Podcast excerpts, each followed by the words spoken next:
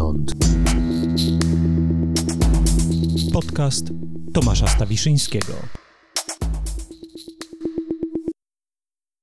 Dobry wieczór albo dzień dobry, Tomasz Stawiszyński. Kolejny odcinek skądinąd zaczynamy.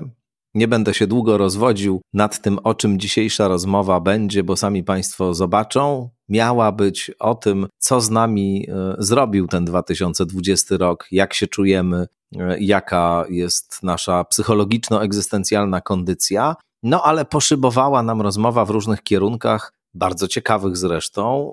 I była to też bardzo momentami emocjonująca rozmowa, chyba jedna z najbardziej emocjonujących, a może nie, nawet chyba najbardziej emocjonująca momentami rozmowa, jaka się w podcaście Skądinąd dotychczas odbyła. Goszczę dzisiaj, gościmy wszyscy, ja i Państwo. Agnieszkę Jucewicz i Tomasza Kwaśniewskiego, parę dziennikarzy Gazety Wyborczej, wybitnych dziennikarzy i też parę w życiu bo Agnieszka Jucewicz i Tomasz Kwaśniewski są małżeństwem. Agnieszka Jucewicz znana jest Państwu z wielu, wielu, wielu fantastycznych wywiadów z psychoterapeutami i w ogóle ta tematyka psychoterapeutyczno-psychologiczno-egzystencjalna e, jest jej bliska od wielu, wielu lat.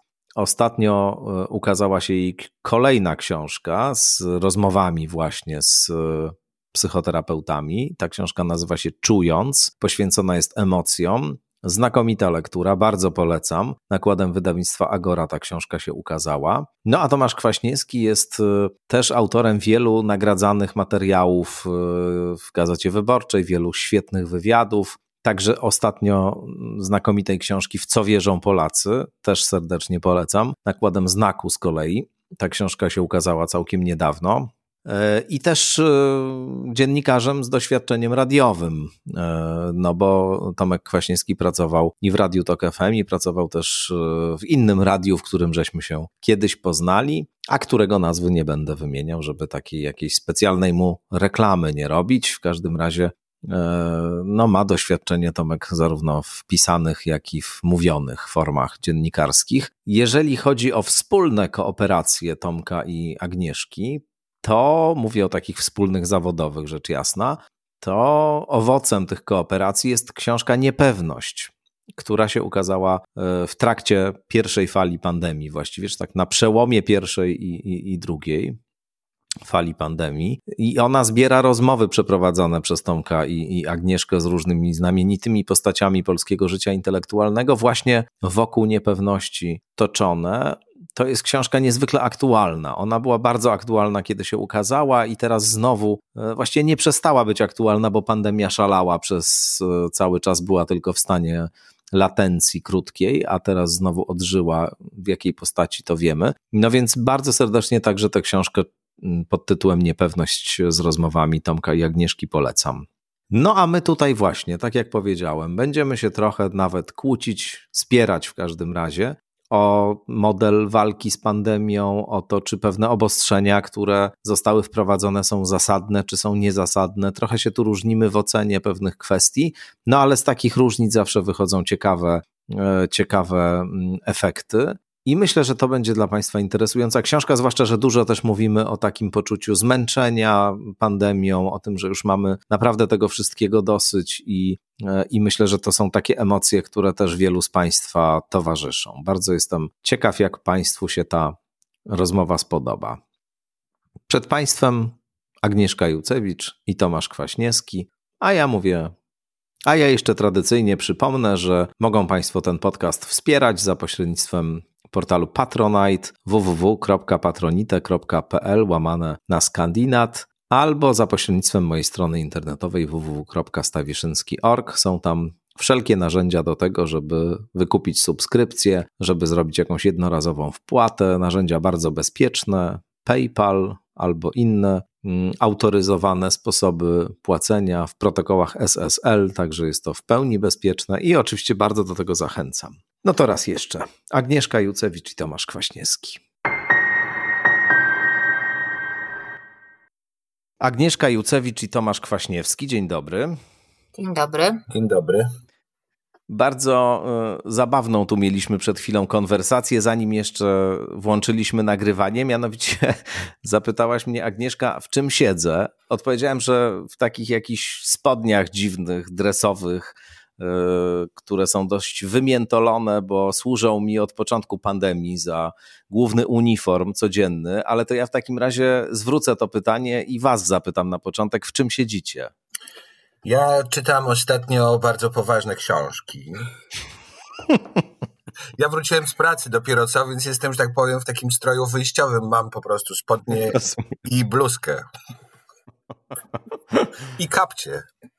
A, no, kapcie to jest ważny element, oczywiście. Ja jestem w tym uniformie domowym, czyli w wyciągniętym swetrze, z którym się zaprzyjaźniłam mocno w czasie pandemii i bardzo go lubię i w jakichś spodniach nieokreślonego kształtu. E, ja odkryłem, że ja odkryłem ostatnimi czasy, że w momencie, kiedy zakładam tak zwane normalne ubranie, a czasem je zakładam, kiedy idę do sklepu, na przykład pies się włączył, oczywiście pies jest tutaj stałym gościem w tym podcaście. E, no więc kiedy, tak jest Berti, e, którego poznaliście skądinąd? E, natomiast, że kiedy zakładam takie tak zwane normalne ubranie, żeby na przykład właśnie wybrać się z psem do parku, albo pójść do sklepu, albo w jakieś inne miejsce czasami, to się jakoś tak zaczynam czuć niewygodnie, jakoś mnie to wszystko uwiera, czuję się jakiś taki wciśnięty w coś i dopiero jak już mogę wrócić do domu i przebrać się w te wymiętolone spodnie, to jakoś odzyskuję luz. Wreszcie możesz odetchnąć. Może w spódnicy tak. nie chodzić. Muszę spróbować, rzeczywiście, może to jest rozwiązanie. Na początku po domu, a później też na zewnątrz, powolutku, powolutku. No w zasadzie dlaczego nie? W zasadzie dlaczego nie? To ja usłyszałam, że powiedziałeś w tak zwanym normalnym e, ubraniu i tak sobie pomyślałam, że e, to słowo normalne jakoś tak zmienia znaczenie woli, nie? To, co, co, co było no normalne, co jest normalne. Żyjemy w jakiejś nowej e, normalności, już mówiąc tak zupełnie serio. I to jest właśnie ciekawe, że, że, że tak nas wykoleiło trochę z tych, z tych dawnych torów i, i odkrywamy, czym ta nowa normalność jest. Ja na przykład nigdy. A jak słyszycie. Nie chodziło. Jak słyszycie. Że. Jak, A. No, to okej, okay, to ja. Zap... Jak słyszycie nowa normalność, to, to co wam się kojarzy wtedy w pierwszym odruchu? E, no ja cały czas jednak ja jednym uchem słyszę, a, a trzecim okiem obserwuję i staram się jakoś jedno do drugiego przypasować. I mi się wydaje, że w tej nowej normalności są dwie rzeczy. Mm, jedna to jest jakby określenie, że ten stan jest inny i że to jest taka normalność, która jest nam dana tu i teraz. E, natomiast druga to jest taka tymczasowość, że jednak to jest jakaś nowa normalność, ale że jednak gdzieś tam słyszę pod spodem, że my jeszcze do tej starej e, wrócimy, a przynajmniej bardzo byśmy chcieli że to nie jest nowa normalność. Och, nowa normalność, super. Tylko, że, no tak. że to jest coś, co, co, co nam się przytrafiło, musimy w tym żyć i jakoś się w tym odnaleźć. Natomiast y, gdzieś widzę takie duże oczekiwania, a, czy, a, a może nawet wręcz bardzo duże zmęczenie już tym oczekiwaniem na to, aż to się wreszcie skończy i ta stara normalność powróci. Ale to są takie moje tylko in, obserwacje. A ja, a ja bym powiedział, bo ja, bo to chyba jest ważne, kto w jakim rytmie funkcjonuje. I Agnieszka w zasadzie jest w domu, tak sobie to wszystko ustawiła, a ja na przemian. Raz jestem w domu, a raz wychodzę i funkcjonuję wtedy raczej normalnie. Poza tym, że tam na przykład w pracy oczywiście jest mniej osób niż e, było kiedyś. Ale ja nie widzę jakiejś takiej specjalnej różnicy. Już się przyzwyczaiłem też do maseczki. E, e, też uprawiam sport, wychodzę na zewnątrz, tam czasem idę sobie na jakąś kawę do cukierni, która jest czynna, oczywiście to muszę brać ją na wynos, ale w zasadzie nie mam jakiegoś takiego poczucia już wielkiej różnicy. To, co stanowi wielką różnicę, to na pewno jest to, że dzieci nie chodzą do szkoły. W związku z tym jest, są cały czas w domu, jesteśmy rzeczywiście sobie cały czas w domu, co zresztą pozwala zauważyć różne fajne rzeczy z tego starego świata, których się nie widziało i które może warto będzie później jakoś celebrować specjalnie, w szczególności podróże do pracy, czy też podróże do szkoły i podróże ze szkoły, co jakby zawsze było oderwaniem od pewnych rzeczy. Więc jeżeli chodzi o tą nową normalność, to ja w zasadzie już, w zasadzie nie, nawet nie wiem, co to, że to miałoby być, prawdę mówiąc. Myślę, że Tomek jest tutaj wyjątkowy w tym sensie, że on ma takie duże zdolności adaptacyjne na tyle, na ile go znam. I e, w zasadzie z, po prostu w, każdej sytuacji z czasem się potrafi odnaleźć. A ja myślę, że tu trochę jest inny mechanizm. Ja teraz pisałem niedawno tekst o mm, e, tym, o rybniku, w którym jest wielki problem ze smogiem. Mieszkańcy tego rybnika odpowiadają o czymś takim, o takim bo tam też to odbywa się sezonowo, trochę jak z COVID-em, że no jest wtedy, kiedy jest sezon grzewczy. I ludzie po prostu są tak zmęczeni wtedy tą sytuacją już, tą taką bieżącą siedzeniem w domu, kontrolowaniem tych wszystkich aplikacji i tak dalej, że w momencie, kiedy to się właściwie kończy, to się od tego odcinają, a w momencie, kiedy to trwa, jakoś się do tego przyzwyczajają. I to chyba jest po prostu taki, taka zwyczajna sytuacja, że jak coś jest takie już dłuższe, plus jest bardzo męczące, no po prostu nie masz żadnego wyboru, no tak to powiedzieć. Agnieszka, tak? Jeszcze chcesz coś dodać? Nie, bo nie byłam pewna, czy nie zniknąłeś z anteny, dlatego się tak zawiesiłam. E, e, wiesz co, no ja jestem po kilku takich rozmowach e, z psychologami, czy też specjalistami zdrowia psychicznego. Parę tygodni temu rozmawiałam z, z psycholożką, która pracuje z osobami starszymi, z seniorami, ale wczoraj jestem świeżo po rozmowie z psycholożką, która pracuje z kolei z nastolatkami i z młodymi dorosłymi. I ona jakby potwierdza to, że, że, że takim dominującym teraz stanem, czy to, to nie jest uczucie, tylko stan bardziej złożony, jest potworne zmęczenie. To znaczy, y, y, wśród dzieci i nastolatków myślę, że dorośli też y, w sobie to odnajdują. Ty, Tomku, skąd inąd wiem, że też ten, w, tym Zdecydowanie. Stanie, w tym stanie zmęczenia jesteś. I myślę, że, że, że to, to jest coś, w czym odnaj, odnajduje się wiele osób. Nie, nie, nie wszyscy mają takie zdolności właśnie jak Tomek. Y, I to, to zmęczenie, jakby, jakby porównywać z wiosną, wiosną było więcej lęku, y, ale więcej też mobilizacji. I trochę teraz jest tak, że nie wiadomo na co czekamy, no bo mam wrażenie, że, że znacznie więcej niepewności jednak się pojawiło w tej chwili niż wcześniej. Że wcześniej wiosną myśmy myśleli, że to się jednak za chwilę skończy, później przyszedł ten złoty okres wakacji, kiedy na chwilę można było zapomnieć o tym, że w ogóle coś takiego jak pandemia istnieje. Wiele osób w to uwierzyło.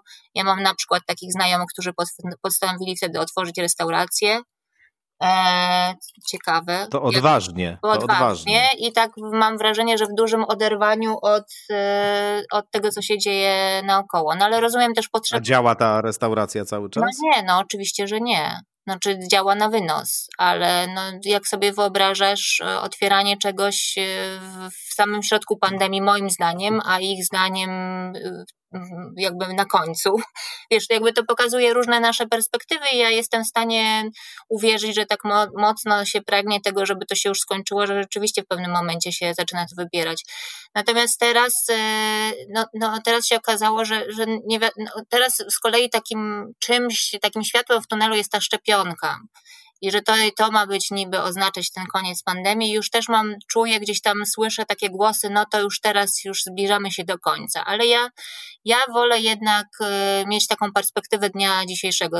Znacznie lepiej mi to robi psychicznie, jak się zatrzymuję na tym, co mam do zrobienia do końca dnia, ewentualnie przez najbliższe kilka dni. Po prostu nie, nie, moim zdaniem planowanie i zawieszanie się na takich kolejnych e, nadziejach jest e, gdzieś tam na dłuższą metę niszczące, bo nie wiadomo, co będzie, nie wiemy, co będzie. Już tyle razy się przekonaliśmy w czasie tej pandemii, że naprawdę nic nie wiemy. Ja bym tu jeszcze, jak mogę, dodał coś takiego, że ja to w miarę czuję się jednak bezpieczny, bo mam te swoje 40 tam, ile mam, 47 lat, może 8. W każdym razie jakoś tak, jakoś tyle mam. No i, i w ramach tych wszystkich danych, które są... To są właśnie te zdolności adaptacyjne, o których mówiła Agnieszka, że się po prostu nie liczy takich rzeczy. I... Analityczne. Zdolności adaptacyjne to Masza Kwaśniewskiego, który nie wie ile ma lat. To nie... No, Odpłotka niepamięci, prawda? To jakby jest, jest rzecz oczywista. Tak jest. W każdym razie... E, w związku z tym, że też nie pamiętam różnych innych rzeczy, czuję się w miarę bezpieczny w ramach tego świata, który jest. W sensie pandemia, mówiąc krótko, mi nie zagraża. To samo jestem przekonany co do mojej żony, jak również moich dzieci. Moi rodzice są żyją w takim też wyalinowanym świecie, więc w zasadzie z takich osób najbliższych mi, których śmierć spowodowałaby u mnie trwały uszczerbek na zdrowiu psychicznym, nic takiego się nie kroi. Bardziej denerwują mnie, czy też martwią, czy też w ogóle angażują te rzeczy, które się dzieją w tej przestrzeni pozapandemicznej, czyli tak naprawdę w tej przestrzeni politycznej, mam na myśli te, to, to wszystko, co jest związane ze strajkiem kobiet, tymi reakcjami na to i tak dalej, i tak dalej. To jest i teraz na przykład kwestia tych wszystkich e, unijnych wet bądź nieunijnych wet, czy będziemy mieli te pieniądze, czy nie będziemy. Jednym słowem, dewastacja świata jakby w cieniu tej pandemii jest dla mnie bardziej przerażająca niż sama ona, ponieważ to już jakoś sobie oswoiłem, opowiedziałem na tej zasadzie, jak powiedziałem, że w zasadzie nie jest to dla mnie niebezpieczne. Natomiast tamto, no to jest rzeczywiście ruinacja i tamtym się martwię. No ja też się martwię tymi skutkami ubocznymi, czy też nie wiem, to nie jest dobre słowo. Znaczy, podobnie jak Tomek też się martwię tymi innymi rzeczami, które się dzieją w cieniu pandemii, ale bardziej tym jakby ceną, jaką płaci, płacimy na przykład za izolację. I z jednej strony docierają do mnie głosy starszych przyjaciół, którzy po prostu tracą e, swoich przyjaciół w wieku, którzy umierają w domach nie na COVID, ale dlatego, że nie są się w stanie dostać do żadnego specjalisty ani lekarza. E, I to jest dla mnie gdzieś jakieś. Są straszne historie, tak. Ja też historie. o takich bardzo historiach mnie, słyszałem. Bardzo mnie, to przejm, bardzo mnie to przejmuje i nie wiem, jaka jest skala tego. Też nie, nie wiem, czy ktokolwiek to mierzy. Drugą e, rzeczą to są e, no, dzieci i nastolatkowie, i, i, i jest w tej chwili mnóstwo badań, i w Polsce jest ich mniej. E, ale mm, na świecie zrobiono już y, po, po, tym wiosennym lockdownie i we Wielkiej Brytanii badania i we Włoszech na temat zdrowia psychicznego dzieci i młodzieży i to w związku z zamknięciem szkół właśnie. No i wygląda to, to, dramatycznie I, i ci specjaliści w Polsce, z którymi rozmawiam na ten temat, psychiatrzy, psychologowie młodzieżowi to potwierdzają. To znaczy potwierdza to też Fundacja Dajemy Dzieciom Siłę, która zrobiła takie nowe badania na ten temat, opublikowała właśnie raport i też mówią, e, że w telefonie zaufania, który prowadzą dla dzieci i młodzieży, jest znacznie więcej interwencji w tej chwili. Interwencji to znaczy, że e, znaczy telefon zaufania bierze udział w zapobieżeniu po prostu samobójstwa dziecka, więc e, i, I też nie wiem, jaka jest skala tego, i jeżeli te dzieci jeszcze dłużej będą w domach, a na pewno będą, a te starsze będą najdłużej, bo, bo jak wiadomo, z naszej obecnej wiedzy wiemy, że młodsze dzieci po prostu mm, mniej transmitują tego wirusa, e, mm, są bardziej bezpieczne w cudzysłowie. Mm, ale chciałam jeszcze wrócić tylko na, na, na, sekundę do tego wątku, którego nie skończyłam, o tym, że, że mówi się w tej chwili bardzo dużo o takim zmęczeniu, przeciążeniu, wyczerpaniu E, I dzisiaj słuchałam najnowszej konferencji WHO, mm, takiego oddziału europejskiego, i tam też pojawiło się mm, to sformułowanie, czyli pandemic fatigue, jako pewien rodzaj już zaobserwowanego stanu, którego skutkiem może być na przykład kompletne zarzucenie stosowania się do obostrzeń. Na Taki zasadzie... rodzaj reakcji tak. Buntu pewnego rodzaju tak, nawet, można powiedzieć. Nawet, tak? Tylko mm. no, niekoniecznie uświadomionego, tylko takiego, że no, już nie mogę i w związku z tym e, chcę się zachowywać normalnie. Chociaż rzeczywistość nie jest normalna, bo nie mam siły już po prostu zachowywać się w taki sposób e, według tych wszystkich zasad DDM, tak, dystans, e, dezynfekcja maseczki, nie wiem, chcę się spotkać ze znajomymi, mam dosyć izolacji, samotności, chcę pójść do pracy i być w tej pracy bez maski, bo mam dosyć siedzenia w masce przez 8 godzin i tak dalej. I rzeczywiście w tej chwili WHO zastanawia się, jak e, wprowadzić takie, no, jak, jak prowadzić tą politykę która z jednej strony by jakoś wzięła pod uwagę takie, taki stan ludzi i takie zachowania i jakoś pochyliła się nad tym, bo one też w jakiś sensie są zrozumiałe, a z drugiej strony jakby zapobiegła temu, żeby to się, żeby to się wymknęło z, spod kontroli i żeby te wysiłki, które zostały przez poczynione przez masę społeczeństw, no, nie poszły na marne.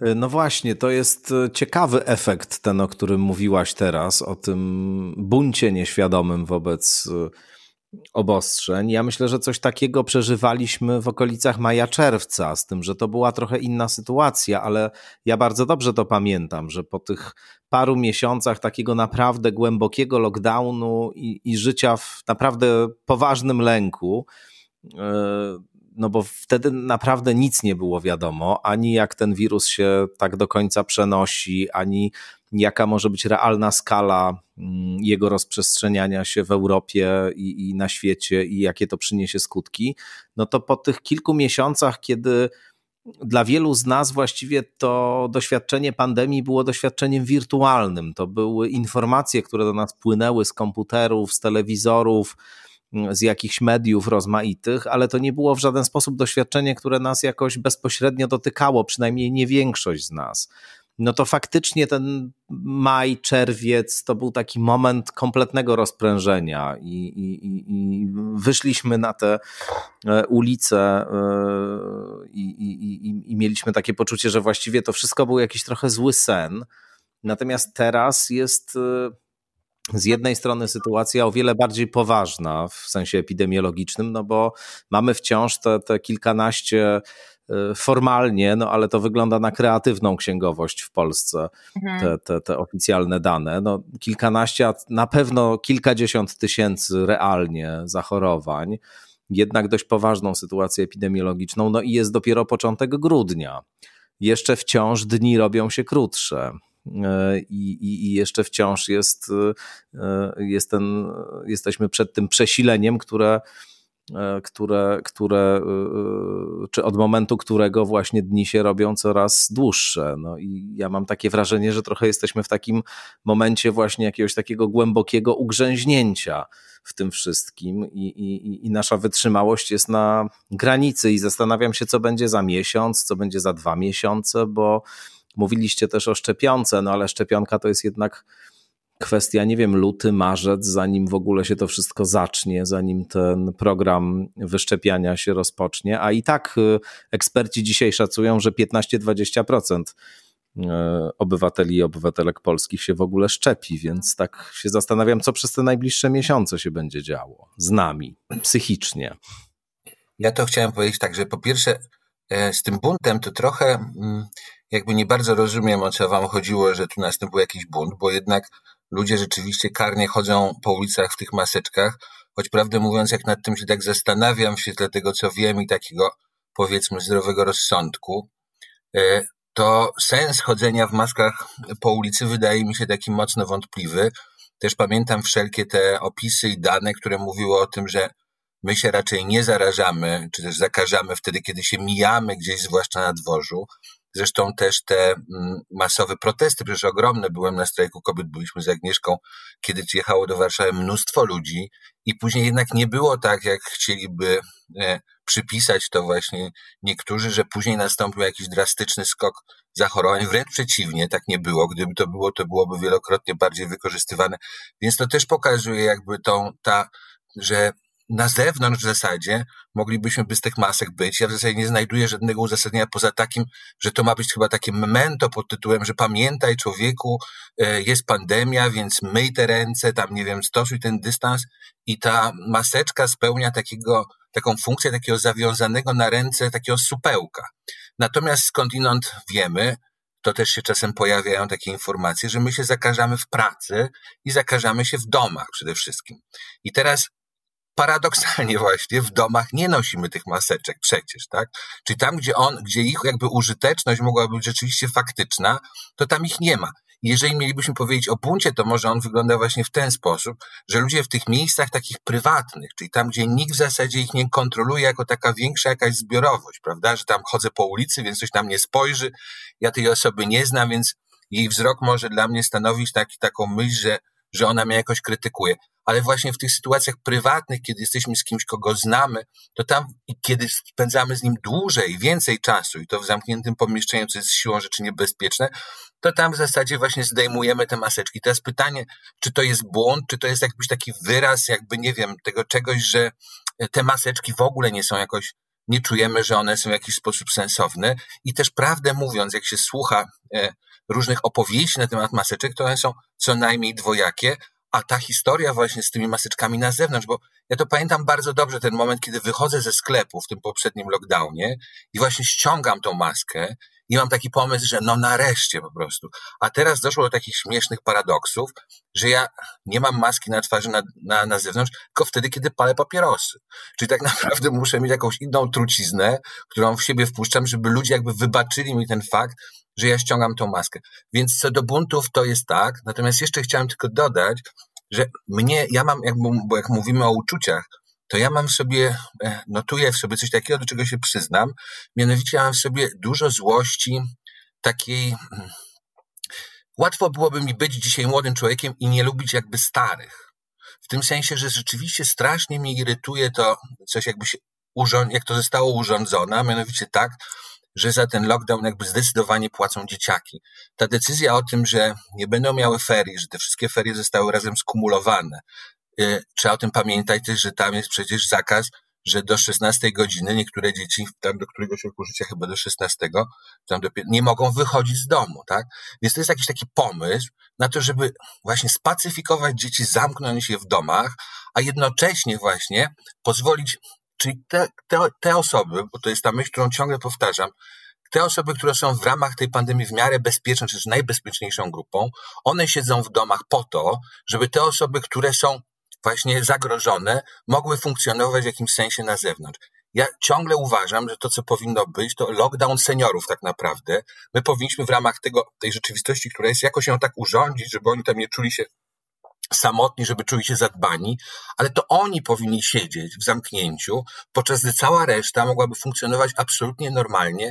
I wydaje można, mi się, można wejść, wejść tak. w słowo? Proszę, proszę. No bo, no bo y, to mówisz tutaj trochę w takim duchu, jak to y, kiedyś model szwedzki przewidywał w zamierzchłych czasach pierwszej fali pandemii. No bo to jest ta, ta koncepcja, żeby właśnie tylko osoby starsze na dobrą sprawę się chroniły, a cała reszta, żeby funkcjonowała w miarę normalnie, ale no, to nie za bardzo się sprawdziło. To znaczy, nie sprawdziło się po pierwsze, dlatego że jednak Szwecja na poziomie liczby zgonów, e, także jeżeli chodzi właśnie o zgony osób e, w wieku senioralnym, no to jest w czołówce europejskiej. Nawet sam Anders Tegnell dzisiaj mówi, że to nie był zbyt dobry pomysł. Po drugie, to jest tak, że jednak jakiś procent osób, które nie są wcale w tym wieku senioralnym, nie są osobami 60-70, plus, też przechodzi to w sposób bardzo ciężki i, i, i umiera często na, na, na koronawirusa.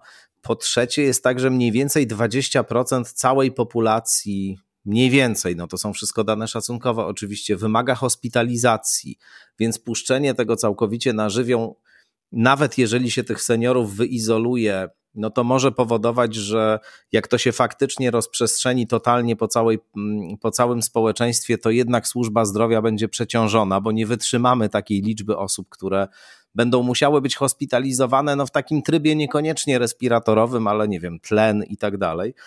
No więc, e, więc to są wszystko takie rzeczy, które jednak przemawiają przeciwko temu modelowi szwedzkiemu. A dodam jeszcze do tego, w, ram, w ramach małej, małej prowokacji, w ramach małej prowokacji a propos, a propos tego, co mówiłeś, Tomku, o y, młodych ludziach, o dzieciach, że może to jest właśnie lekcja y, wychowania obywatelskiego, to znaczy takiego no, takiej świadomości, że tak, no musicie czasami się bardzo, bardzo ograniczyć dla dobra wspólnego. Teraz siedzicie w domach, macie po te 14-15 lat, to jest na pewno bardzo trudne doświadczenie. Ja wiem, że ono jest trudne też dla wielu dzieci, które, które funkcjonują w mm, no, trudnych relacjach domowych i tak dalej. O tym, o tym też możemy za chwilę powiedzieć, ale, ale dla znacznej części tych młodych ludzi może to jest właśnie dobra lekcja w praktyce wychowania obywatelskiego, tego, że no, no tak, no zobacz, teraz robisz to właśnie, czy, czy, czy zostajesz w domu, jakby przeżywasz frustrację,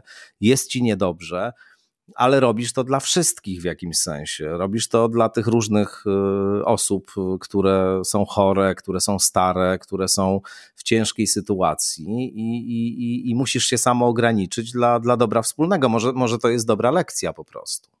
Wiesz co, Tomku, ja y, y, znaczy mam taką myśl, że my tutaj nie dojdziemy do tego, jakie strategie są najlepsze, ponieważ wszystkie kraje jakoś nie, nie specjalnie znalazły taki pomysł na to, jak tą, pan, z tą pandemią sobie poradzić i wiadomo, różne kraje mają różne polityki, Włochy jedną, my jedną, chociaż tak naprawdę żadną, y, Szwecja ma jedną, Wielka Brytania ma inną i, i moim zdaniem rozsądnie jest mm, znaczy myśleć o tym, znaczy każda strategia zamykania jakiejś grupy y, ma skutki uboczne. Bardzo, ja bym bardzo chciała, tylko wiem, że w tej chwili nie ma jakby wszystkie ręce na pokład COVID-u. Natomiast bardzo bym chciała, żeby jednocześnie jakoś monitorować tą sytuację, znaczy jakie koszta ponosimy tego. Wydaje mi się, że wciąż jakby za mało się temu przyglądamy. A w ramach yy, w ramach prowokacji, prowokacyjnej odpowiedzi na Twoje prowokacyjne pytanie dotyczące młodych ludzi, no to właśnie chciałam Cię zapytać, czy byś coś takiego powiedział, że to jest lekcja obywatelskości, nawet nie dziecku, które się wychowuje w domu alkoholowym i które nie ma szansy wyjść z tego domu, ponieważ właśnie jest ograniczone przepisem, że do godziny 16 nie wolno mu nigdzie wyjść, które e, nawet nie takiemu dziecku, które było w stanie w szkole zjeść ciepły posiłek, ponieważ w domu go nie ma. I które jest e, częściej teraz bite w związku z tym, że jest pod ręką i tak dalej. Nawet nie takiemu. Na, przeciętnemu nastolatkami, nastolatkowi z przeciętnym stanem subdepresyjnych, których jest bardzo wiele w tej chwili. Znaczy dla no, nich zamknięcie zgoda. w tej chwili domu i, i hmm. powtarzanie im, że to jest lekcja e, odpowiedzialności. Wiesz, ja bym się nawet mogła na to zgodzić. Okej, okay, niech to będzie lekcja e, WOS-u, i niech to będzie lekcja e, tego, że każdy musi coś od siebie dać. Tylko, że oni co chwilę słyszą inne komunikaty. Psycholożka, która wczoraj, z którą wczoraj rozmawiałam, która pracuje od wielu lat z młodzieżą, mówi, że oni y, dominujące uczucie, jakby dominujący opis y, stanu, w jakim oni się znajdują, to jest stan pustki. Oni już na nic nie czekają. To jest straszne usłyszeć od młodego człowieka, że on na nic już nie czeka od piętnastolatka, od szesnastolatka. Ja już na nic nie czekam. Nie mam żadnych planów. Ponieważ tyle razy słyszałem, że coś się wydarzy, że wrócę do szkoły albo nie wrócę, że w jakimś czasie coś się wydarzy, coś się stanie, że będę mógł się spotkać z kolegami, że będę się mógł spotkać z dziewczyną. Że ja już nie chcę słyszeć, że coś się wydarzy. Że ja już nie chcę myśleć o tym, że 18 stycznia być może wrócimy do szkół. Ja tu jeszcze bym dodał, bo e, mnie ta, ta lekcja też tak trochę sprowokowała i to tak zaznaczyłeś, ale to jest po prostu takie traktowanie dzieci właśnie jak takich wiecznych uczniów, którzy tak na końcu to i tak zrobią to, co będziemy chcieli, a w związku z tym, że może mogą być niezadowoleni, to się im tam powie, że to jest na przykład lekcja taka czy śmaka. Ja na przykład uważam, że taką lekcję dla wszystkich innych mogliby dać właśnie osoby starsze na przykład, tak? Jeżeli ktoś, słuchaj, takie sytuacje, ale to oczywiście jest takie czepialnie się, ale jeżeli są te specjalne godziny dla seniorów, a później seniorzy przychodzą w innych godzinach, to ja wtedy jestem bardzo niezadowolony, że tak to się dzieje, bo myślę o tym, że są nieodpowiedzialni. I teraz oczywiście można mówić zawsze o skrajnościach, że są dzieci, które mają szczególnie do, źle, albo są też seniorzy, którzy mają szczególnie źle. I wiadomo, że tymi się trzeba zająć szczególnie dobrze. Ale co do zasady jest tak, ja właśnie to jakby próbuję cały czas powiedzieć, że dla mnie niezrozumiałe jest, dlaczego grupą, która ponosi największe wyrzeczenia w ramach tego, co się dzieje, a ponosi w tym sensie, że nie chodzi do szkoły, nie spotyka się ze znajomymi, nie może wychodzić ze swoich domów, nie może funkcjonować w żaden sposób normalnie, podczas kiedy dorośli mogą wychodzić i chodzą do pracy, mogą chodzić w różne miejsca od rana do wieczora, to samo dotyczy seniorów. Wszyscy w miarę funkcjonują normalnie w ramach tych ograniczeń. Jedyna grupa to są dzieciaki, które mają naprawdę zabrane mnóstwo swoich własnych normalnych aktywności. To trzeba zobaczyć. I trzeba zrozumieć, że właśnie ta grupa, i to jest nie do zrozumienia, jest odpowiednio mniej zagrożona przez całą tą sytuację. Dla mnie to pokazuje taką, taką rzecz, że istotni są seniorzy z jakiegoś takiego powodu mogę na przykład powiedzieć złośliwie, że na przykład z politycznego, że wtedy, kiedy były wybory... Muszę się odnieść do tych rzeczy, które powiedzieliście, grupa, ale dokończ, dokończ, tak. Zdecydowała też jakby o pewnej wygranej, pewnej jednego z ugrupowań tutaj w Polsce, prawda? I ja jakby mam takie poczucie, że to jest interes po prostu.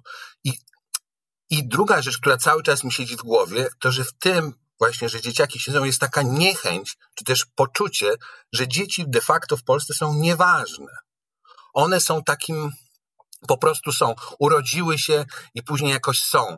Natomiast nie traktuje się ich podmiotowo, nie liczy się z ich potrzebami, nie zauważa się tego, co oni mówią i zresztą o tym są też te protesty, proszę zauważyć. Znaczy, jak oni krzyczą te różne rzeczy, to krzyczą właśnie to. My tu jesteśmy i teraz na tą pandemię, że trzeba, na to ich zatrzymanie w domu, trzeba nałożyć to, co się dzieje na zewnątrz, czyli odbieranie im takich poczucia, takich, no, wolności osobistej, mówiąc krótko, też w takim ścisłym sensie, mam na myśli tą, e, ten wyrok Trybunału w sprawie aborcji, tak? Jakby zbieżność tych dwóch rzeczy, to, że musimy siedzieć w ukryciu i w ogóle jest taka sytuacja, z tym czymś, że faktycznie nam zabiera się jakąś wolność, część wolności decydowania osoby, tak? I te rzeczy się zbiegają, oni to krzyczą, a ludzie mówią, a tam se krzyczą, se krzyczą, niech mają lekcję właśnie jakąś, albo jeszcze jakąś inną. Mnie to jakoś bardzo, bardzo, bardzo osobiście denerwuje. Ja tylko jeszcze, zanim ja... Tomku się odniesiesz, Aha, pozwolę dobra. tylko sobie e, powiedzieć, e, że bardzo bym nie chciała, żeby nasza, ten wątek naszej rozmowy sprowadził się tutaj do wprowadzenia jakiegoś kolejnego podziału i wojny na starych i młodych, bo... Tak jest, wojna. No ja nie, no, nie jestem nie, nie. za tym. Znaczy mi, moje serce jest też przy seniorach i znam wielu seniorów samotnych, którzy potwornie cierpią na tej pandemii. Jakby chodzi mi o to, żeby wyważyć um, cały czas wyważyć to, co się dzieje i w związku z pandemią, i wokół tego. I jakby zobaczyć większy obraz niż e, cały czas. Nie, nie, no, to znaczy jasne, tylko że problem oczywiście polega na tym, moim zdaniem, bo, bo ja się w jakiejś części z wami zgadzam i rozumiem oczywiście te argumenty.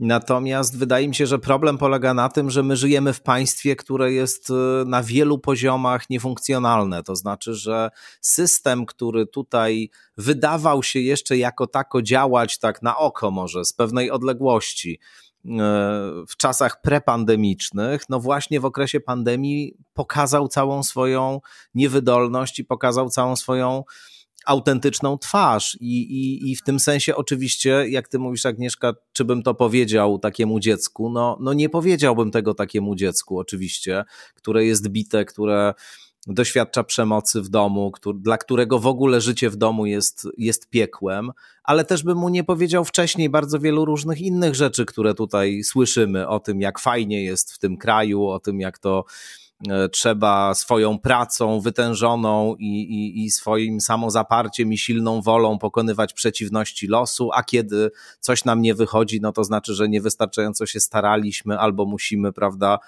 e, nad sobą jeszcze popracować i tak dalej. No, no, no też oczywiście bym mu tego nie powiedział. Z drugiej strony też zastanawiam się, czy, czy powiedziałbym na przykład, e, nie wiem, 70-letniemu człowiekowi, który mieszka E, razem z wielodzietną rodziną e, w jakimś domu, e, że niestety dziadku musisz tutaj być zamknięty cały czas w pokoju i w ogóle nie będziesz się z nikim kontaktował, ale i tak może być ryzyko, że złapiesz koronawirusa i umrzesz, no trudno, no bo, bo nasze dzieci, prawda, tutaj muszą chodzić yy, i do szkoły i, i chcą mieć swoje rozrywki, więc jakby wydaje mi się, że problem polega na tym, że żyjemy w państwie, które na wielu poziomach jest niefunkcjonalne, że ta polityka restrykcji, które zostały wprowadzone, przecież nie tylko w Polsce, mamy do czynienia z takimi, z takimi restrykcjami, chociaż akurat jeżeli chodzi o nauczanie w tych wczesnych, e, w tych wczesnych latach, e, e, no to, no, to, no to akurat w wielu krajach ono funkcjonuje, dlatego że te dzieci w wieku takim najmłodszym faktycznie chyba nie przenoszą koronawirusa. Nastolatkowie. To też nastolatkowie przygotowanie, tak. wiesz, przygotowanie szkół po prostu do pandemii. Znaczy, hmm. jak ktoś, ktoś Oczywiście. o tym tak? Oczywiście, właśnie o to mi chodzi, że, że my trochę rozmawiamy jakby wskazując na różne y, minusy pewnych rozwiązań, ale to są też minusy, które w ogromnym stopniu wynikają z sytuacji, y, no właśnie tej niefunkcjonalności, niewydolności instytucji państwowych, z braku w ogóle pomysłu na to, w jaki sposób złagodzić, zamortyzować pewne środki bezpieczeństwa. I to jest jakiś rodzaj takiego poruszania się między Scyllą a Charybdą. To znaczy, albo możemy właśnie to wszystko puścić na żywioł, albo możemy e, spisać na straty jak Szwedzi, e, osoby starsze, bo de facto coś takiego tam się stało po prostu. Jak popatrzymy na statystyki, to oni po prostu spisali na straty swoich seniorów, osoby, które funkcjonowały w domach opieki, w domach starców i tak dalej. To są ofiary, słuchaj, ale dokończę tylko, to są ofiary tej pandemii w całej Europie. Prawie, prawie 50% wszystkich ofiar w e, Europie to są mieszkańcy domów opieki, domów starców i tak dalej. Często ludzie zostawieni samym sobie, opuszczeni całkowicie i tak dalej. No, wydaje mi się, że, że, że to też nie jest tak, że tylko dzieci zostały zamknięte, a cała reszta świetnie funkcjonuje. No bo przecież e, w tej chwili w Polsce no cała masa ludzi siedzi w domach, nie ma pracy, traci środki do życia, a, a państwo kompletnie nie jest w stanie sobie z tym poradzić, tylko właśnie stosuje jakieś takie rytualne e, czynności w postaci nakłaniania nas do tego, żebyśmy zakładali maseczkę, kiedy idziemy pustą ulicą o 23 i nikogo wokół nas nie ma. Więc jakby ja nawet nie wiem, jakby należało o tym wszystkim rozmawiać i jakie rozwiązania są dobre, bo, bo mam poczucie, że żyję w kraju, który po prostu jest fikcją, no, który nie działa, który, który, który nigdy tak naprawdę do końca nie działał, tylko udawało się to kamuflować. Ja chciałem powiedzieć, bo ten, ten, e, to jest też jakby taki kolejny taki problem pandemiczny, znaczy rozmowy przez internet mają ten defekt, że trzeba dawać komuś skończyć i oczywiście z jednej strony tego mnie uczyli w to szkole. trudne a z drugiej strony, przerywając, robi się czasem taką rzecz, że zatrzymuje się kogoś w tym miejscu, który mówi, wskazując to miejsce, a później jest tak dużo rzeczy powiedzianych, że już czasem trudno wrócić. Ale był taki moment, po pierwsze, powiedzmy tak, że dlatego umarło najwięcej starszych ludzi, że ta po prostu, ten wirus po prostu zabija starszych ludzi i to jest po prostu rzeczywistość w ramach tego, a nie dlatego, że system jest jakiś dziwny. Po prostu tak działa. ale gdyby tych ludzi chroniono realnie, to by nie umarli, bo by się nie zarazili po prostu. No. Właśnie na tym polega problem. To znaczy, oni zostali zostawieni. We Włoszech, w Hiszpanii masz całe mnóstwo w tej chwili procesów sądowych wytaczanych na przykład pracownikom i, i dyrektorom tych domów opieki. ale bo tam masz prostu... też mnóstwo, znaczy co do zasady, bo trzeba powiedzieć, co do zasady jest tak, że ten wirus atakuje właśnie starszych. Ale teraz, bo chciałem do pewnego szczegółu, o którym powiedziałeś. Wyobraziliśmy sobie ten dom, w którym e, jest ta wielopokoleniowa rodzina i w którym jest ten dziadek i w którym są te dzieci. I teraz powiedziałeś, że sobie trochę nie wyobrażasz, że można by temu dziadkowi powiedzieć, że on musi siedzieć w swoim pokoju. Natomiast rozumiem, że wyobrażasz sobie, że te dzieci wtedy siedzą w tym swoim pokoju, bo one nie mogą wychodzić na zewnątrz. Wydaje się, że rozsądna sytuacja jest taka, że skoro dziadek rzeczywiście jest osobą najbardziej jakby zagrożoną, to trzeba stworzyć takie warunki, żeby ten dziadek był najmniej zagrożony w ramach tego, co możemy. Ale żądanie, żeby dzieci w związku z tym właściwie nie chodziły do szkoły, czyli nie wykonywały takich rzeczy, które są dla nich istotne po prostu dlatego, że za chwilę będą chodzić do następnej klasy, później do następnej, a na końcu będą wypłacać emerytury tym wszystkim następnym dziadkom. Więc jakby myślenie, znaczy urządzenie tego rozsądne jest takie, że trzeba chronić dziadka, w szczególności na przykład, rozumiem, że system mógłby zadziałać tak, że w takich przypadkach, kiedy są wielopokoleniowe rodziny, tego dziadka przenosi się na przykład do jakiegoś rodzaju hotelu, prawda, gdzie on mógłby sobie funkcjonować. Jednym słowem, to, to bo ja wyczułem w Twoim myśleniu, czy też mówieniu coś takiego, że jakby to jest jakoś normalne, że te dzieci wtedy nie będą chodziły do szkoły, bo tam to jest jakaś wartość pod tytułem życie dziadka, prawda? I to się tak właśnie tak ustawia, że Ale... tu jest życie, no a tam jest jakaś błahostka pod tytułem chodzenie do szkoły, no, czy jakieś no, inne Powiem szczerze, powiem szczerze, tak, wydaje mi się, że życie dziadka jest w tym momencie ważniejsze niż tak komfort dzieci. No tak. tak jest ważniejsze, to trzeba... Jeśli to jest, wiesz, jeśli to jest tego typu alternatywa, to znaczy, jeżeli, nie, nie, ale tylko do, dookreślę, że jeśli to jest taka alternatywa, że po jednej stronie masz rzeczywiście bardzo poważne ryzyko związane z owym dziadkiem, brak systemowych rozwiązań chroniących go, brak jakby konkretnej propozycji, żeby właśnie w taki sposób to zrobić, a po drugiej stronie no jest, jest sytuacja, w której tak faktycznie będzie przez pewien czas i wiadomo, że to będzie pewien czas, nie na zawsze, pewien rodzaj trudności, dyskomfortu i tak dalej dla dzieci, no to trudno, no to dzieci muszą się ograniczyć też. Nic im się nie stanie. Skończę tą myśl. Jeżeli to jest poważniejsza sytuacja dla dziadka, to właśnie należałoby wykombinować, jak zrobić, żeby go uchronić, tak?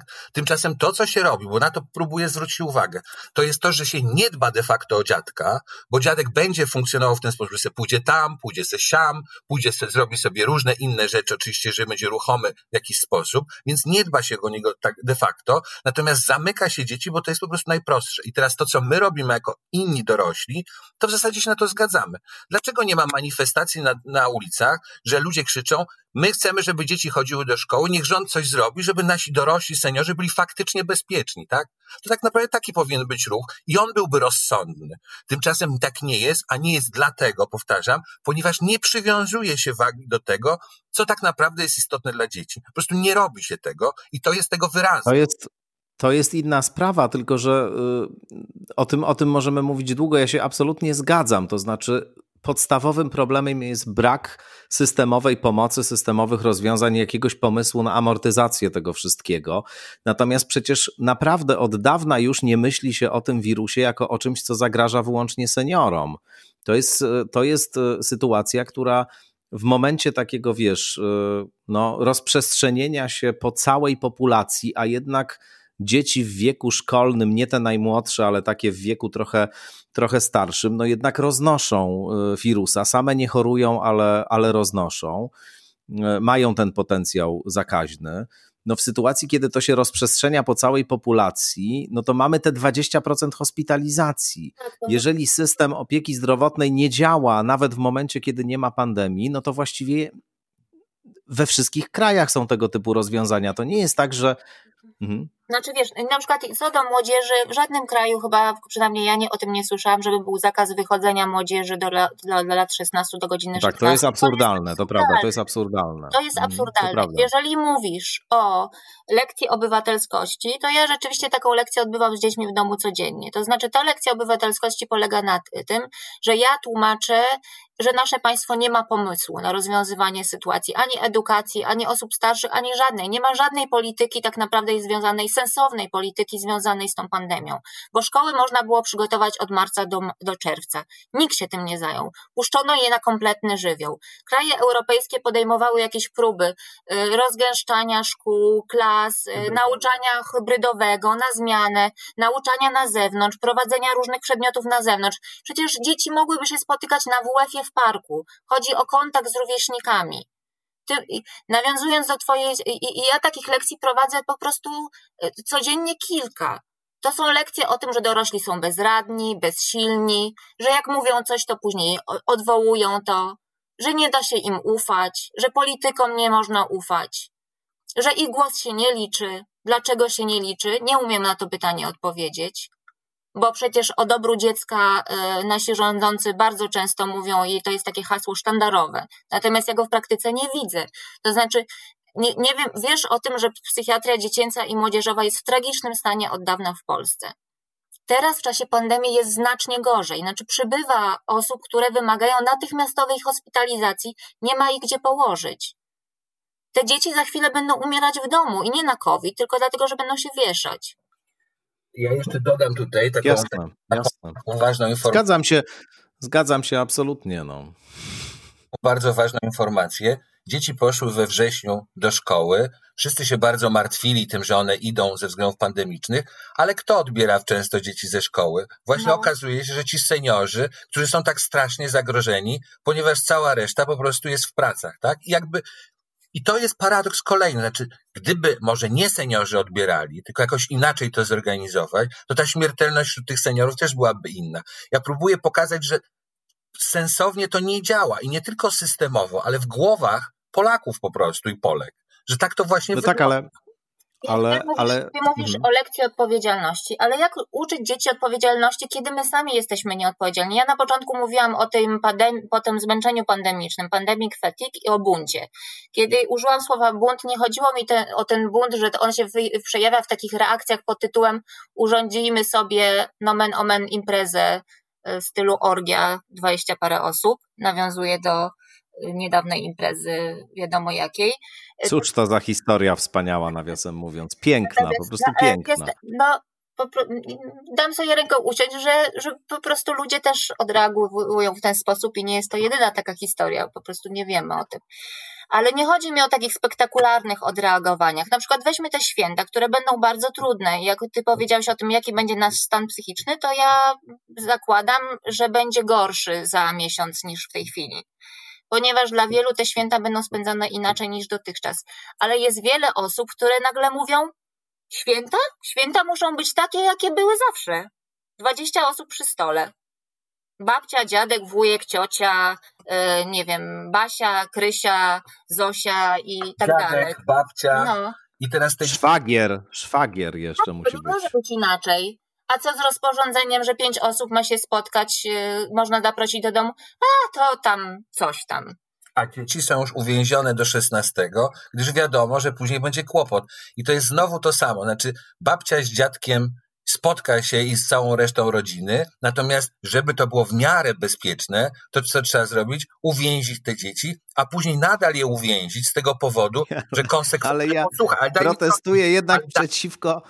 Dobrze, ale, ale nagle ta babcia z dziadkiem stały się jakimiś figurami po prostu z horroru w tej twojej narracji, no, że, że oni są jacyś tacy straszni, wysysają ze wszystkich te soki i na końcu jakby to- to oni przeżywają, a wszyscy w dewastacji po prostu, wiesz, pokładają się na, na podłodze w szaleństwie, no. Chcę tylko skończyć myśl, która polega na czymś takim, że dlatego dzieciaki do 16 stycznia będą aresztowane w domu, że potem spodziewamy się, że będzie niebezpiecznie, w związku z tym potrzebne są respiratory. I to nie dzieci będą leżały po tych świętach pod tymi respiratorami, tylko właśnie ci wszyscy inni. I dziadek z babcią są tutaj niewinni w tym sensie, że może gdyby ich poprosić o to, żeby oni inaczej o tym myśleli, to może by tak się zdarzyło. Ale generalnie jakby uwaga, akcent, siła i tak dalej są przełożone na coś takiego, że okazuje się, że święta, zakupy świąteczne, podzielenie się opłatkiem, słowem, trzy godziny spędzone przy, przy barszczu czy grzybowej są istotniejsze niż miesiąc nauki w szkole, tak? Po prostu. Znaczy, no być może dla niektórych osób rzeczywiście tak jest. Jeśli tak jest, to to nie jest dobre. No, zgadzam się całkowicie, jakby nie mam tutaj między nami żadnej różnicy. Ja tylko zastanawiam się, czy, czy w tej waszej krytyce zasadnej, podkreślam, to jest oczywiste dla mnie, że to wszystko, co mówicie, to jest prawda. A sytuacja wielu dzieci, które muszą y, być w domu i które oczywiście, no, doświadczają tam jakichś naprawdę bardzo traumatycznych rzeczy, To nie to, to, nie jest sytuacja. Słucham? To nie chodzi o traumę, No, chodzi o taką, ale nie, bo nie popadajmy w przesadę, że to są, muszą być jakieś Nie, ale część, część prostu- osób doświadcza takich rzeczy po Część- prostu. To, to, to jest też oczywiste. Ale tu chodzi, ja, to jest dla mnie ważne, żeby to powiedzieć, że tu nie chodzi o traumatyczne sytuacje, w których po prostu masz rodziców, którzy ci urywają w, w domu głowę. Po prostu chodzi mi o normalność, bo od tego trochę żeśmy zaczęli też, o takiej nowej normalności, prawda? Znaczy, Mhm. ta myśl jest taka, jeżeli ktoś ma zaburzoną normalność, to tą zaburzoną normalność mają dzieciaki, tak? I teraz one mają świat przed sobą. Nie no, wszyscy mamy zaburzoną normalność. Ale wszyscy mamy Nie, no zaburzoną Tomek, normalność. pracujesz sobie normalnie, prawda? Znaczy, no, rozmawiamy wiesz, no, teraz, no masz nie, no, aktywności. No to- pracuję w tym sensie, że pracuję online'owo, no nie chodzę do radia, nie robię tam e, ale audycji. możesz. Mnóstwo różnych, mnóstwo różnych e, aktywności ograniczyłem. No, No, ale własnej nie no, cały, ale, ale rzeczywistość też nie funkcjonuje pod wieloma względami. Nie działają knajpy, nie ma spotkań ale to są, powszechnych, mnóstwo firm przeszło na online i tak dalej. No jednak e, to nie jest tak, że tylko dzieci doświadczają, że coś się dziwnego dzieje, a dla wszystkich innych świat funkcjonuje tak samo. Nie, nie zgadzam się z różnica jest fundamentalna. Ty możesz różne rzeczy robić, dokonujesz wyboru w ramach pewnych możliwości. Nikt ci nie powiedział, trzymajmy się tego w ten sposób, że do 16 Ale też je mam ograniczone, też je mam ograniczone, chociaż nie w taki sposób. Zgoda, zgoda, oczywiście. No i to jest ta, taka, taka ogromna różnica, która tu jest. No. No, Tomek jest wielkim ambasadorem dzieci i dobrze, że taki jest. Może pełni funkcję Rzecznika Praw Dziecka, którego de facto nie mamy. E, Prawda. Mm, Natomiast ja, ja, ja, ja wiem, że ja zdaję sobie sprawę, że wielu osobom jest trudno, pewnie innym jest jeszcze trudniej, a innym jest trochę łatwiej. Natomiast ty, ty zadajesz zasadne pytanie, jak to będzie z tym naszym zdrowiem psychicznym dalej. Przepraszam, jeśli można jeszcze jedną rzecz do tego, co mówiliście, bo jeszcze jest jedna kwestia, która w sumie jakoś zniknęła, a ona też jest istotna i, i pojawiała się też w debacie publicznej. E, No, nie wiem, miesiąc temu jeszcze dużo tego, e, tego typu informacji było, mianowicie nauczyciele. Mhm. Bo mówimy dużo o dzieciach, ale mamy też mnóstwo nauczycieli, którzy e, zmarli na COVID, którzy przeszli bardzo ciężko COVID. No i to też jest jakaś grupa, która właśnie w związku z tym, że na przykład szkoły funkcjonowały od września przez też pewien czas i wtedy ta, ta, te ogniska pandemiczne prawdopodobnie właśnie między tak, innymi ja w szkołach wybuchały. do tego, że po prostu nasze szkoły nie zostały w ogóle przygotowane do pandemii No jesiennej. więc Bo- właśnie o to chodzi. Znaczy w ogóle my nie jesteśmy w ogóle do niczego przygotowani i dlatego mówienie, To że coś jest przeciwko dzieciom, a coś jest na, na, na, na korzyść Ale seniorów, pewne- albo że to no, ale wiesz, właśnie dlatego to jest grupami, niezasadne. grupami społecznymi, społecznymi jednak łatwiej jakoś się zarządza, prawda? Właśnie i gdzieś ta sytuacja, moim zdaniem, na przykład wprowadzenia tego e, zakazu wychodzenia do godziny 16 jakoś odzwierciedla to, czym jest dziecko w naszym społeczeństwie. A moim zdaniem Zgoda, zgoda. Znaczy, to jest jakiś obraz tego jednak, dosyć znaczący, symboliczny, a dla wielu osób realny.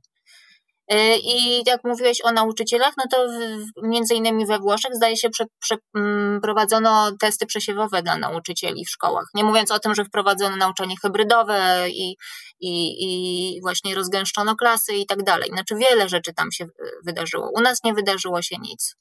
I, i na razie nie, ja, ja nie słyszę o tym, żeby wprowadzono, żeby miano, żeby posiadano jakiś pomysł na przyszłość, jakieś plany. Znaczy, co, te dzieci wrócą tak na żywioł znowu po 18 stycznia do szkół, tak po prostu i już?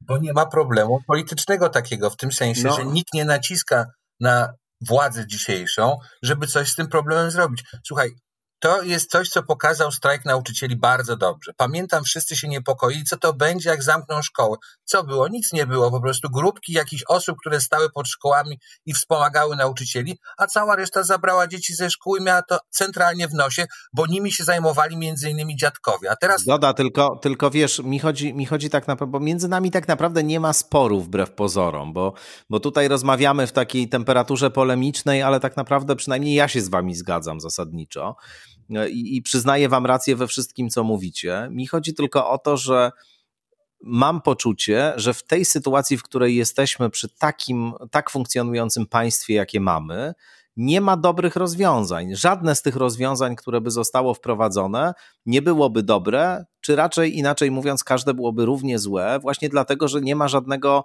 systemowego myślenia i żadnego pomysłu właściwie na nic. Ja jeszcze E, I, e, I w momencie, gdyby to puścić całkowicie, to znaczy, gdyby, gdyby rzeczywiście w ogóle nie zrobić żadnych e, obostrzeń i żadnego semi-lockdownu, w jakim, w jakim w tej chwili żyjemy, no to prawdopodobnie już byśmy dawno mieli kompletnie załamany system opieki zdrowotnej. Wielu lekarzy mówi zresztą, że, że już w tej chwili on jest załamany. tak, ja się zgadzam. No i nie wiem, co by wtedy było. Ja zgadzam się i nie mam żadnej odpowiedzi tutaj, co by było lepsze, co gorsze, co. Znaczy, na pewno byłaby y, dobra jakaś polityka wprowadzona wspólnie z osobami, które się na tym znają. Po prostu, y, a z tego co obserwuję, te, te decyzje są podejmowane ad hoc. Połowy tych decyzji nie rozumiem, nie nadążam za nimi i nie, nie, nie, nie, nie, po prostu kompletnie nie rozumiem. No, włącznie z tym, jak funkcjonuje szpital y, na Stadionie Narodowym, o którym już wszyscy To jest wielka zagadka, tak. To... E, dla kogo on jest i po prostu dlaczego płacimy za to takie wielkie pieniądze, skoro nikt z niego nie korzysta. Natomiast e, wiesz, no ja cały czas myślę o tym, też chcę, chcę powiedzieć, że te decyzje rządzących mają na nas ogromny wpływ, nie tylko realny, ale te, znaczy w takim realnym sensie psychicznym. Znaczy to, że my, my się czujemy tak, jak czujemy, częściowo też wynika z tego, że my się nie mamy na czym oprzeć, że nie mamy zaufania do tego, co nam po prostu funduje władza. Sir Simon Wesley, którym robiłam psycholog, psychiatra z King's College w Londynie, który e, jest też epidemiologiem, wydaje mi się, e, mówił o tym, że to ma kolosalne znaczenie. Znaczy komunikaty, które władza w sytuacji kryzysu przekazuje społeczeństwu, mają ogromne znaczenie. Jeżeli ta władza bez przerwy sobie zaprzecza, mówi jedno, robi drugie, a później jeszcze trzecie, a później wycofuje się z czegoś i robi czwarte, to ma dewastujący wpływ dla naszej psychiki. Nie tylko dla tkanki społecznej, ale dla tego, jak my się czujemy jako społeczeństwo i jak my się czujemy indywidualnie. I my tego doświadczamy. To znaczy to potworne zmęczenie, to co mówią młodzi, że oni już na nic nie czekają, to jest efekt te, tego bałaganu, chaosu i tego braku, tego państwa z dykty. No. Ja na władzę, ja na Mhm. władzę się nie złoszczę, dlatego że już dawno postawiłem na niej wielki krzyżyk. Tak naprawdę po tym, jak, e, po tym, jak e, po tym wyroku Trybunału Konstytucyjnego pomyślałem sobie, że nie będę już jakby marnował w ogóle energii na tą część świata. Dlatego cały czas jakby staram się operować w takich pojęciach właśnie społecznych tak naprawdę, żebyśmy jakby my też zobaczyli, bo to jest istotne cały czas, znaczy może już to nawet jest nudne z mojej strony, zobaczyli jak wygląda właśnie ten stosunek do dzieci. Wcześniej też opowiadał o tym na przykład, e, ja na przykład uważam, że sensowniej właśnie, czy to co sensownym rozwiązaniem jest lockdown seniorów, po prostu, że to jest znacznie prostsze niż wszystko inne. I też Ale tak... to się nie sprawdziło nigdzie. To się nigdzie nie sprawdziło, bo Wielka Brytania e, na początku właśnie stosowała tego rodzaju politykę, pamiętaj. Przecież tak to właśnie wyglądało, że osoby starsze mają być chronione, mają Ale nie były. nie funkcjonować i tak. No były, no były na tyle, na ile to jest możliwe, ale po prostu ten wirus nie dotyczy tylko seniorów. To ty to tak zdefiniowałeś. Ja rozumiem, że, że jesteś przywiązany do tej, do tej definicji, Ale, ale to nie jest prawda. Ale za- 20%, 20%, powtórzę, 20% chorujących wymaga hospitalizacji. To, to, to nie tylko seniorzy, tylko 20% w ogóle wszystkich chorujących. Więc y, to załamie każdy system opieki zdrowotnej w momencie, kiedy ten wirus pójdzie na żywioł.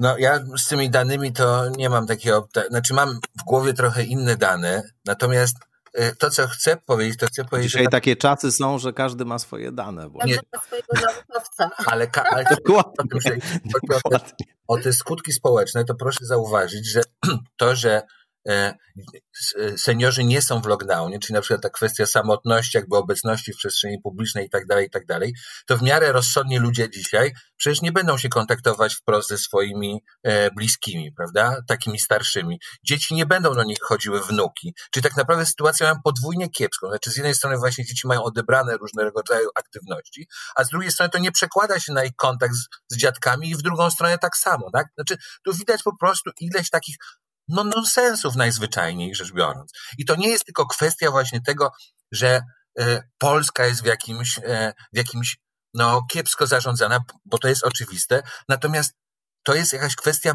taki, takiego czegoś, że z jakiegoś powodu łatwiej jest, łatwiej po prostu zatroszczyć, znaczy zamknąć dzieciaki po prostu w domu. Po prostu, no. Że to jest właśnie taki mental okropny. I ja próbuję cały czas powiedzieć, żebyśmy my to zrozumieli, że tak na końcu w ogóle to my od tych dzieci zależymy. I one właśnie są taką jakąś przyszłością. I to o ich świecie tak naprawdę rozmawiamy, w którym oni będą musieli żyć. To im świat niszczymy, tak? Jakby e, konserwując jakąś rzecz, która jest właściwie, należy już do przeszłości. Ja tylko chcę powiedzieć, Znaczy, że ja się cieszę, że mhm. my rozmawiamy, mimo że rozmawiamy tak e, gorączkowo, już mamy tutaj rumieńce na twarzach i mój, ko- mój sweter, stary sweter z pandemiczny zmienia kolor zupełnie na czerwony. Ale myślę, że jeżeli to, bo, bo wiesz, cały czas chcę jakby się trzymać tego, na, co mi jest bliskie i to jest to zdrowie psychiczne, o co się bardzo martwię, nie swoje własne już, na szczęście, tylko po prostu i młodych, i starszych, i w ogóle nas, nas społecznie. Myślę, że dopiero za jakiś czas będziemy w stanie ocenić po prostu to, co się z nami zadziało, a, a, a, a z tego wirusa psychicznie będziemy wychodzić bardzo długo, jeszcze po tym, nawet jakby się 100% osób zaszczepiło. E, Natomiast właśnie chcę powiedzieć, co jest wartością i co, co ja jakby ja odnajduję i może to się komuś przyda ze ze słuchaczy, którzy, którzy nas słuchają. I myślę, że wartość jest w tym, że rozmawiamy. No jednak przepraszam, że tak powiem, ale warto rozmawiać. No właśnie warto mówić Pewnie. o tym, jak się czujemy, co się z nami dzieje, dzielić się takimi sposobami swoimi, które dla nas działają, które jakoś tą, z tą trudną i taką smolistą rzeczywistością e, pomagają nam sobie radzić. Nie wiem, no mi się, u mnie się sprawdza ta filozofia myślenia o tym, co dzisiaj, no po prostu. Nie planowania, nie, nie, nie trzymania się jakichś wielkich nadziei, bo to Jasne. e, mi się wydaje, że to jednak gdzieś jakoś jest takie uszkadzające. No. E, Nie no, absolutnie zgadzam się. Ja, ja jestem generalnie przeciwnikiem kultu młodości, to znaczy nie mam takiego poczucia, żeby, Jako żeby należało jako, dzia, jako dziaders. No właściwie dziad, wkraczający rzeczywiście w wiek dziaderski. Jakby. najgorszy. No wiadomo, no wiadomo, Przełomy- wiadomo. przełomy- Bez praw. Przełomy są najgorsze zawsze. Ponieważ ten No, no, oczywiście. nie pamięta ile ma lat, więc jest młodziersem.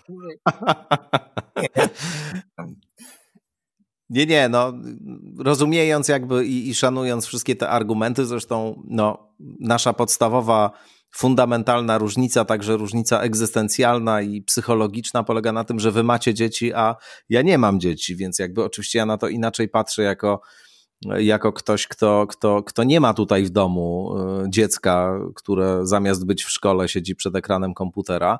Natomiast rzeczywiście ten obecny we współczesnej kulturze kult młodości mnie, mnie cokolwiek irytuje, bo uważam, że w ogóle nie ma czegoś takiego jak dzieci i starcy, no, że, że, że, że tak naprawdę życie jest jakimś takim mgnieniem, mija w sekundę i przed chwilą my byliśmy dziećmi, a teraz już nie jesteśmy, za chwilę będziemy starcami i umrzemy. I te dzieci, które dzisiaj są dziećmi też właściwie za moment nawet nie będą wiedziały kiedy staną się starcami. I tak to właśnie się toczy kolejne pokolenia następują po kolejnych i wszyscy jakoś tak strasznie substancjalizują tę młodość, dojrzałość, starość. Jesteśmy młodzieżą, więc coś nas tutaj jakoś niezwykle e, istotnego i osobnego charakteryzuje. Moim zdaniem to są totalne iluzje, ale to jest oczywiście pewnie na jakąś ja zupełnie inną rozmowę. Z perspektywy człowieka dorosłego i który Nie, ma... ja tak zawsze uważałem. Od kiedy skończyłem lat 15 i przeczytałem różnych jakichś takich ponurych filozofów, którzy mniej więcej coś takiego mówili, to to, to do mnie jakoś przemawiało wtedy. Ale jest jedna różnica fundamentalna, mianowicie no. taka, że jak masz skończone 18 lat, Czyli powoli... To możesz palić papierosy już. Możesz wyjść z domu, Przede wiesz? wszystkim możesz, za... No możesz zagłosować, nie? Więc no to tak. trochę chodzi. I teraz, jeżeli masz 15 lat, siedzisz w domu, nikt za, nie możesz nic zrobić, a nawet nie możesz zagłosować, a dziaderski ci me, meblują świat po prostu, w którym ty będziesz później żył. A ty potem zostaniesz takim dziadersem i będziesz meblował innym. Na tym to polega właśnie. To znaczy, im bardziej myślimy, moim zdaniem, w tych, wiesz, w tych kategoriach, że to są jacyś dziadersi, a to są jacyś zupełnie inni młodzi ludzie, to się wszystko reprodukuje. Ja wiem, ja wiem, ja też trochę żartuję, ale to się wszystko upiornie reprodukuje. Dzisiejsi dziadersi to są wczorajsi tak. nastolatkowie, którzy też walczyli z dziadersami, wiesz, to jest wszystko jakaś upiorna oscylacja. Ale ja chcę powiedzieć, że jest pewna istotna różnica pomiędzy właśnie młodym a starym, czy też bardzo młodym. A... No właśnie ta, że systemowo stary cały czas ma głos co do rzeczywistości, a systemowy młody nie ma go w ogóle. I teraz to jest jednak potworna różnica i w tym sensie to jest, to jest rzeczywiście różnica pomiędzy tymi dwoma stanami. Może nie fair, może trzeba byłoby obniżyć właśnie ten, ten pułap, a może zabrać tam powyżej pewnego roku i tak dalej, i tak dalej. W końcu nie można ignorować tego faktu, że właśnie systemowo jest ta różnica i kropka. No. Ty masz jakieś mroczne intencje względem tych staruszków. Ja to wyczuwam cały czas. Słuchaj, ja, wizja dla mnie, że ja sobie siedzę, jak jestem już staruszkiem z moją żoną staruszką, że jesteśmy w lockdownie, rozumiesz, odcięci od wrogów, w jakimś miłym miejscu, z jakimiś innymi miłymi ludźmi, bezpieczni, to słuchaj, nie jest jakaś taka e, dla mnie taka piekielna wizja tego, jakbym chciał spędzić starość, bo ona jest w ogóle bardzo no, miła. Ale jest super. to wtedy z jakąś inną żoną, która też już nie... Lockdown i emerytura to jest generalnie super plan na przyszłość. Ja się podpisuję. Zawsze chciałem być emerytem, odkąd skończyłem jakieś tam mniej więcej 20-21 lat. Jaka emerytura? W ogóle to jest, możemy o tym kiedyś No wiem, niestety. Lockdown seniorów bez emerytury to jest w ogóle to jest w ogóle przyszłość, bo my nie będziemy mieli emerytury, więc marzenie o lockdownie wtedy będzie w ogóle czymś cudownym. Ja, ja myślałem, że będziesz argumentował, że należy zabrać seniorom emeryturę i dać młodym. No I bo dać... po co dziadkom jakieś pieniądze? Niech młodzi mają, no bo oni dopiero, oni potrzebują. Po zaraz wyjdzie, że seniorzy do więzień i w ogóle jakieś hasła. W najlepszym razie, w najlepszym razie. Ja chciałam powiedzieć, że jak się zejdzie na taki poziom ludzkich kontaktów międzyludzkich, no to też jak popatrzymy, i ty pewnie też masz takie doświadczenie, że też wiele dobrych rzeczy się dzieje. E, Oczywiście. Że na przykład, nie wiem, moja mama się nauczyła obsługiwać Messengera i w ogóle stał się to jej ulubiony sposób komunikacji teraz z wnukami, jedyny możliwy. I, I wiesz, i gdzieś tam dzieci też się uwrażliwiają na to, że właśnie babcia mieszka sama, że trzeba jej pomóc, że, że trzeba jej coś zawieźć, że trzeba jej coś wyprać. Mi się wydaje, że gdzieś tam w, też gdzieś tam to widzą i gdzieś tam to w nich się zakoduje, tak, że tak było. Y, I też czasem słyszę od niektórych starszych osób, że oni bardzo współczują tym dzieciakom, że one siedzą w domu, nie mogą się spotkać z kolegami, z koleżankami i też czują się w tym bezradni. No, generalnie wszyscy doświadczamy dosyć dużej bezradności, bezsilności, tylko że my starsi mamy jakieś sposoby radzenia sobie z tym. E, a ci młodsi jeszcze nie. I to jest, to jest wielkie wyzwanie, jak samemu będąc dorosłym i czując się tak strasznie bezradnym i bezsilnym jeszcze trochę nadziei wlać do tych małych głów i coś im dać, no, że oni sobie, że sobie poradzimy, że przez to przejdziemy. I tu postawimy kropkę. Bardzo serdecznie dziękuję. Agnieszka Jucewicz, dziękuję bardzo. Dziękujemy bardzo. I Tomasz Kwaśniewski, bardzo dziękuję. Dziękuję. Dziękuję. To bardzo ładnie zabrzmiało. I Państwu też dziękujemy. dziękujemy. I zachęcamy. I w miarę normalnych świąt. O tak, to są świetne życzenia. Przyłączam się do nich. No i oczywiście zapraszam na kolejne odsłony skądinąd. Do usłyszenia.